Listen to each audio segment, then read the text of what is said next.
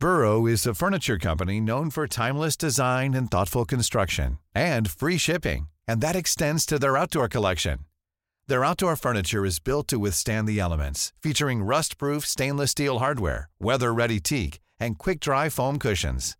For Memorial Day, get 15% off your Burrow purchase at burrow.com slash ACAST and up to 25% off outdoor. That's up to 25% off outdoor furniture at burrow.com slash ACAST.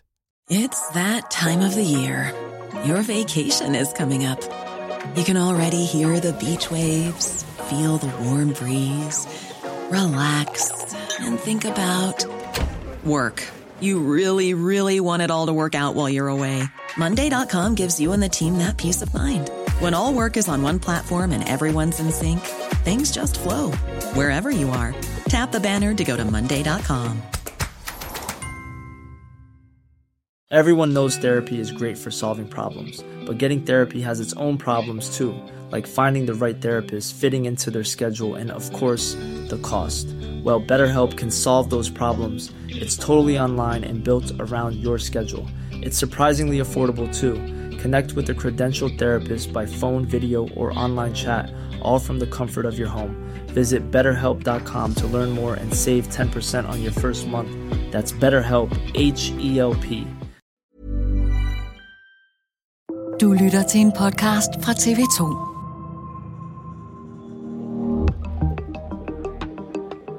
En efter en skifter store fodboldstjerner tilværelsen i Europa ud med Saudi-Arabien den her sommer.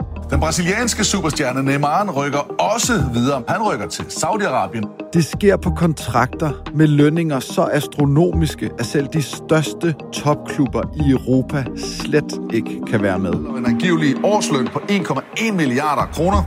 Herhjemme er fodboldfans og eksperter bekymrede over, hvordan den nye saudiske magtfaktor vil ændre europæisk fodbold. Men hvad tænker saudierne? Hvorfor vælger Saudi-Arabien pludselig at investere så massivt i fodbold? Hvad er den store plan? Det er dato i dag. Mit navn er Joachim Claus Høj Bindslev.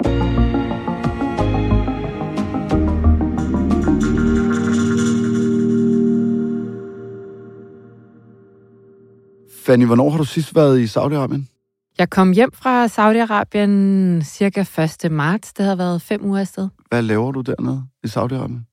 Det er en del af et øh, feltarbejde, hvor jeg var nede og skulle finde ud af en hel masse om landet. Jeg øh, er i gang med et forskningsprojekt, som handler om underholdningsindustrien i Saudi-Arabien. Så jeg havde min familie med, og øh, var ude og tale med rigtig mange saudier. Jeg var ude og se, hvordan fungerer den her underholdningsindustri. Hvad tænker de selv om underholdning?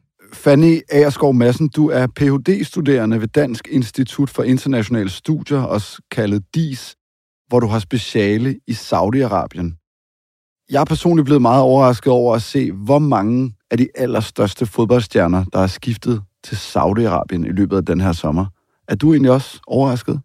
Ja, det er jeg. Øh, jeg var godt klar over, at det var noget, de havde som et mål at, at, at styrke den saudiske fodboldliga.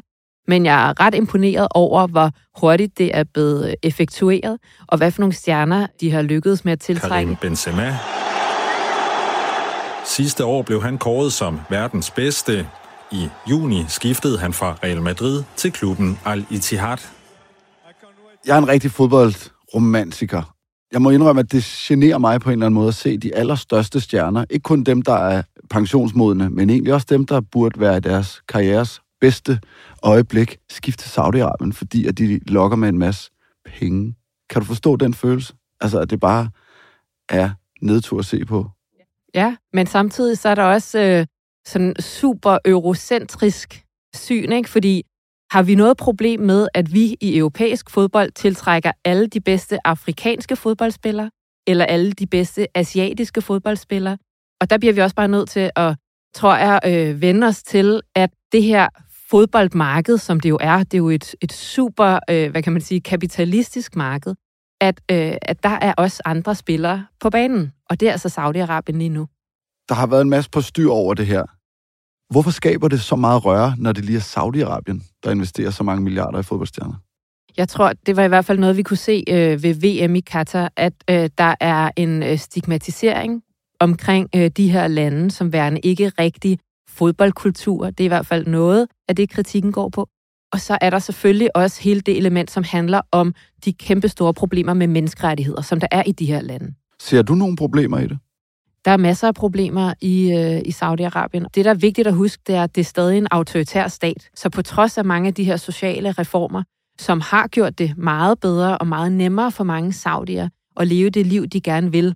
Kvinder kan nu arbejde med det, de vil. De kan køre rundt, de kan rejse, de kan have deres egen lejlighed. Men tilbage står stadig, at det er en autoritær stat med et sikkerhedsapparat, hvor man aldrig helt ved, hvor de røde linjer går, og hvornår man kan blive hævet ind til afhøring. Det hele starter jo med, at den portugisiske superstjerne Cristiano Ronaldo, kåret til verdens bedste fodboldspiller fem gange, skifter fra engelske Manchester United til saudiarabiske Al Nassr i vinter. Han bliver modtaget øh, med pop og pragt. Altså, han bliver jo nærmest modtaget som en royal. Han bliver modtaget af, jeg tror måske, det er sportsministeren, ellers så er det ham, der hedder Turki al som er direktøren for General Entertainment Authority, en kæmpe vigtig politiker i Saudi-Arabien, som modtager ham i lufthavnen og fører ham ud til øh, det sted, ham og hans kæreste skal bo. Og det er jo også noget af det, som er lidt spændende, det er, at normalt er det ikke velanset, at man bor sammen med sin kæreste i Saudi-Arabien, hvis man ikke er gift. Men det er alligevel noget, der bliver gået lidt på kompromis med i den her sag, fordi det er så vigtigt et symbol, altså Ronaldo er så vigtigt et symbol for Saudi-Arabien og for den saudiske fodbold. Cristiano Ronaldo! Well, for me it's a pleasure to be here. Et halvt år efter det her opsigtsvækkende skifte overtager den nationale saudiske investeringsfond PIF kontrollen med de fire største fodboldklubber i Saudi-Arabien. Det er altså landet Saudi-Arabien, og ikke mindst de facto-lederen kronprins Mohammed bin Salman, der nu poster oliemilliarder i klubberne. PIF har også købt fodboldklubben Newcastle i den engelske Premier League, ligesom den nationale investeringsfond de senere år har investeret milliarder af dollars i blandt andet golf, boksning og Formel 1. Investeringerne i sport kommer på baggrund af et omfattende reformprogram, Saudi Vision 2030, en plan for fremtidens Saudi-Arabien. There's nothing Dubai can do to stop it. With its thriving tourism industry and extravagant attractions. Det er nemlig gået op for landet, at Saudi-Arabien har brug for at kunne tjene penge på andet og mere end bare olie. Brace yourself for a grand revolution like never before because Saudi Arabia's Vision 2030 is taking the world by storm. I 2014 der faldt prisen på olie helt enormt meget, og der blev det saudiske statsbudget simpelthen mere eller mindre slået ud.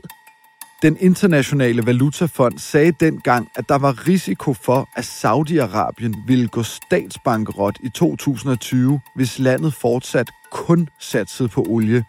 Der var altså brug for en helt ny plan for landet. Det er den plan, som skulle diversificere olieøkonomien. Og en del af det, en vigtig del af det, det er altså at skabe en privat sektor og skabe en underholdningsindustri som blandt andet skulle være den her øh, store sportsindustri. Øh, Hvordan foregik den præsentation af den her store plan for Saudi-Arabien? Det er øh, kronprins Mohammed bin Salman, som er ansigtet på det her. Han er på det tidspunkt minister for økonomi og udvikling. Han er kongens søn, og meget hurtigt kommer han til at være symbolet på det fremtidige Saudi-Arabien. Han er ung, jeg tror han er 31 år på det her tidspunkt. Saudi-Arabien oplever lige nu en revolution, hvor især kvinderne får mere frihed. Og det er en revolution, der kommer fra oven. Han øh, præsenterer sig selv som supervisionær. Meget hurtigt siger han også, at han vil modernisere landet. Han vil skabe et mere moderat islam. Og han turnerer rundt i hele USA og hele Europa på den her kæmpe PR-tur, hvor han fremstiller sig selv som en moderne statsmand, som en reformator af det her gennem mange årtier konservative kongedømme. Kronprins Mohammed bin Salmans image får dog en alvorlig rise i lakken i 2018, da den saudiarabiske journalist og systemkritiker Jamal Khashoggi bliver dræbt under et besøg på det saudiarabiske konsulat i den tyrkiske storby Istanbul. Ifølge amerikanske efterretninger sker drabet angiveligt på direkte ordre fra kronprinsen selv. Det, der sker, det er, at Khashoggi han går ind på det her konsulat i Istanbul, og hans forlovede står ude foran og venter. De skal have nogle papirer underskrevet. Og så kommer han ikke ud igen.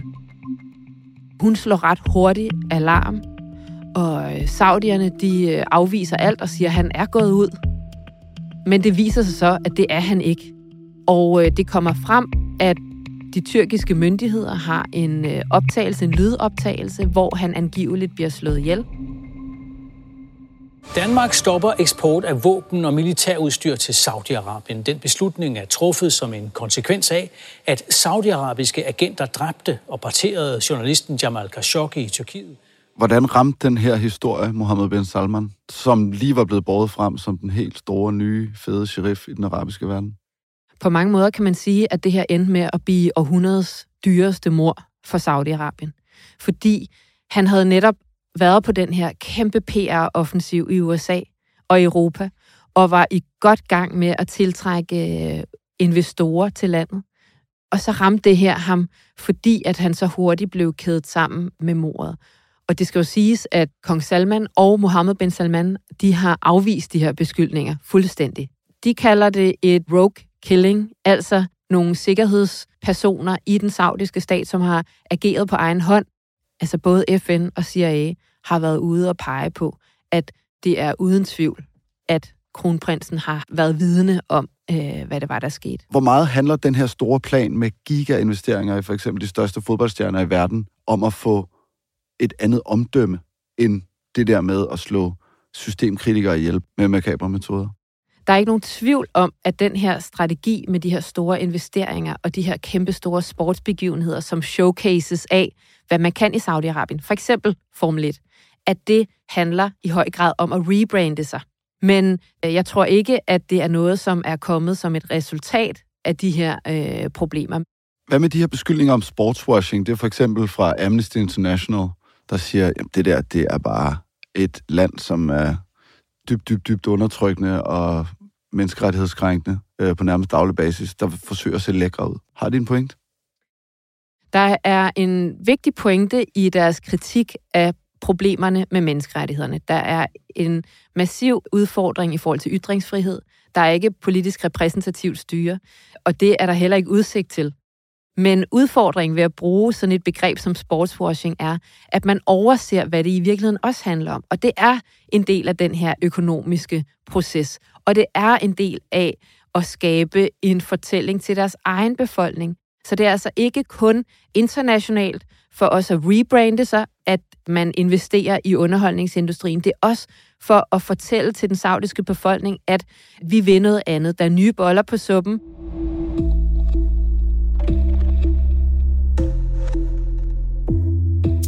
Denne sommer er trafikken af europæiske fodboldstjerner, der rejser til Saudi-Arabien, for alvor taget til. Senest er det brasilianske ikon Neymar skiftet fra Paris til Al-Hilal på en toårig kontrakt, der angiveligt indbringer ham 1,2 milliarder kroner i løn.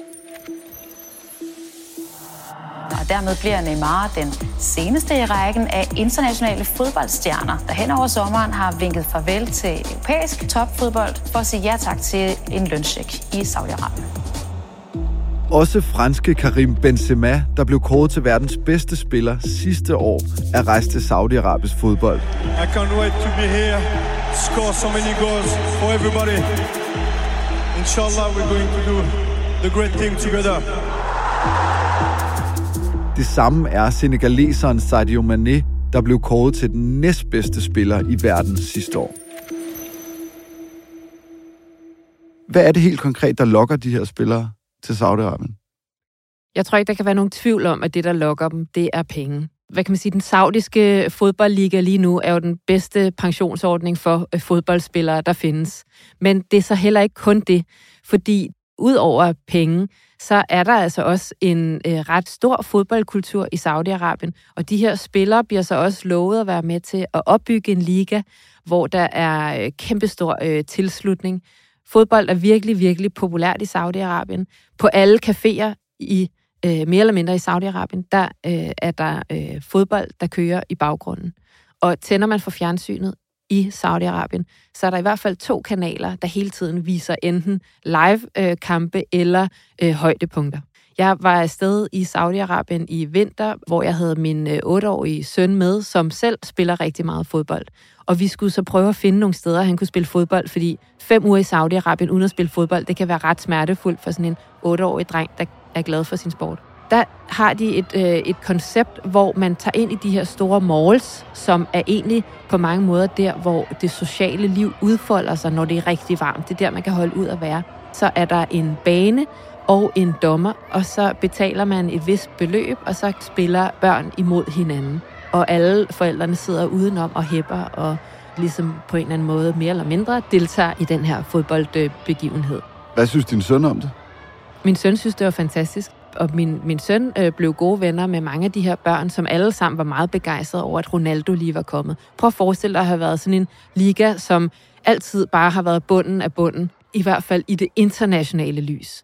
Og så lige pludselig, så kommer der en stjerne som Ronaldo. Prøv at forestille dig, hvis Ronaldo han kom til Brøndby eller et eller andet. Og så kort tid efter, så kom Benzema til FCK, ikke? Og så kom det næste, øh, Firmino, han kom så til øh, øh, Midtjylland. Altså helt ærligt, det er jo fantastisk.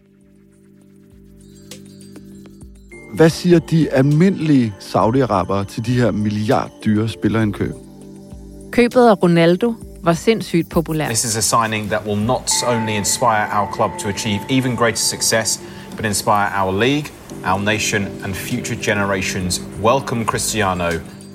Fordi at ikke nok med, at han skal være med til at booste den nationale liga, så er han også et symbol på den fremtid og på det fremtidige Saudi-Arabien, som rigtig mange saudier, øh, særligt den unge generation, ser frem til og gerne vil være en del af. Et vigtigt element handler også for rigtig mange saudier om, hvad de har oplevet som en fejlrepræsentation internationalt. Så da jeg kom til Saudi-Arabien, kunne jeg virkelig fornemme, at de var ivrige efter at fortælle, vi er noget andet. Vi er ikke kun den her undertrykte befolkning. Vi vil noget andet. Vi kan noget andet. Vi øh, kommer til at være det sted, hvor man tager til, hvis man skal have store kulturoplevelser i fremtiden. Hvem er egentlig forbilledet for Saudi-Arabien? Er det sådan, at de kigger mod Dubai og tænker, de har godt nok ramt den, altså? Man kan sige, at Dubai øh, har fuldt den, som man så efterfølgende kalder en Dubai-model. De har taget en hel masse penge, som de har fået for de her naturressourcer. De har så primært fået dem fra Abu Dhabi, som de er i emirat med, men så har de investeret dem i mange forskellige sektorer, og blandt andet også tiltrukket turister til landet. Og det betyder så nu, at størstedelen af deres BNP kommer fra de her mange forskellige kilder. Og det er helt sikkert noget af det, som de har kigget til i Saudi-Arabien. Men samtidig så, når jeg har spurgt ind, hvor ser I Riyadh og Saudi-Arabien om fem år, så sagde de, men vi vil gerne have, at der skal være London, Paris, New York og Riyadh, hvad angår underholdning. Og hvor vigtig en brik er det så med de her superstjerner, de her fodboldstjerner, der nu bliver fisket fra Europa til Saudi-Arabien, i forhold til at lave Riyadh til det nye New York, eller i hvert fald Mellemøstens New York? Det er en vigtig brik, men det står ikke alene. Det, er en, det står sammen med de her store investeringer i festivaler, og for eksempel så har de jo også det nyetablerede Red Sea Film Festival, som har kørt et par år, som er den her store filmfestival, hvor de også tiltrækker store stjerner. Fordi det er ikke kun øh, sportsindustrien og den nationale liga, de investerer også massivt i filmindustrien og styrker alle de lokale talenter, fordi de vil skal ud og også øh, producere noget og skabe, og det er vigtigt, job til unge saudier. Vil det lykkes Saudi-Arabien at rebrande sig selv og skabe en helt anden fortælling, end den, der hersker i for eksempel Danmark i dag? De er i hvert fald godt på vej, og spørgsmålet er også, hvem det er, de skal rebrande sig for. Der er de internationale turister, som de gerne vil appellere til. Og øh, for rigtig mange danskere, der tager til for eksempel Dubai på vinterferie, der tænker de jo ikke over nødvendigvis, at det her det er altså også et autoritært styre med store problemer for migrantarbejderne for eksempel, og øh, ikke øh, øh, lighed mellem øh, kønnene, komplet lighed. Så, og, øh, så på den måde er det lykkedes for emiraterne at rebrande sig, eller i hvert fald brande sig som en øh, vinterdestination. Og det er noget af det, som de forsøger, kan man sige, at sælge sig selv på. Det er, det her det er en øh, ny vinterdestination. Da jeg var i øh, lufthavnen i Riyadh, så er der de her store billeder, hvor der står Saudi Arabia, the next winter destination. Og så er der billeder af stranden. Så de prøver at sælge øh, dem selv som et sted, hvor, øh, hvor globale turister kan tage til øh, og både tage på stranden, men også se de her store øh, slutrunder og Formel 1 osv. Den her kæmpe store plan for Saudi-Arabien, som mange danskere, mig selv inklusiv, har rigtig mange fordomme, forestillinger omkring. Vil det betyde, at når den her er ført ud i livet, vil de ligne os mere, eller vil vi på en eller anden måde bare se på dem på en anden måde, men du ved, indenunder den nye rebrandede kulisse, der er de stadig nogle dybt religiøse, konservative muslimer, som ser kvinder som andenrangsborgere, for eksempel? Det er jo i virkeligheden et super orientalistisk spørgsmål, fordi det tager udgangspunkt i, at de gerne vil ligne os. De vil finde deres egen vej i det her, men samtidig også gøre op med nogle af de her meget konservative sociale normer. Men tilbage står jo også, at der er stadig en del af nogle grupper i samfundet, som er super konservative. Der er nogen, som er religiøst øh, uddannet, og som ikke kan se dem selv i de her nye planer, og som ikke kan se dem selv i det rebrandede Saudi-Arabien. Og hvad skal der ske med dem? Der er ikke plads til, at de kan ytre kritik i det offentlige rum overhovedet. Hvornår skal du derned igen? Til december. Og der skal jeg på en kæmpe festival, som hedder Soundstorm øh, Middle Beast, hvor øh, der er nogle kæmpe store stjerner, der skal spille. Der skal jeg ned og se, hvad der er, der foregår der. God fornøjelse med det, Fanny Agerskov Madsen. Tusind tak, fordi du kom forbi. Selv tak. Dagens program er tilrettelagt af Thomas Kahir Humle. Leo Peter Larsen står for lyddesign. Astrid Louise Jensen er redaktør. Og mit navn er Joachim Claus Høj Bindslev. Hvis du kan lide, hvad du hører, så husk, at du kan følge Dato der, hvor du lytter til din podcast.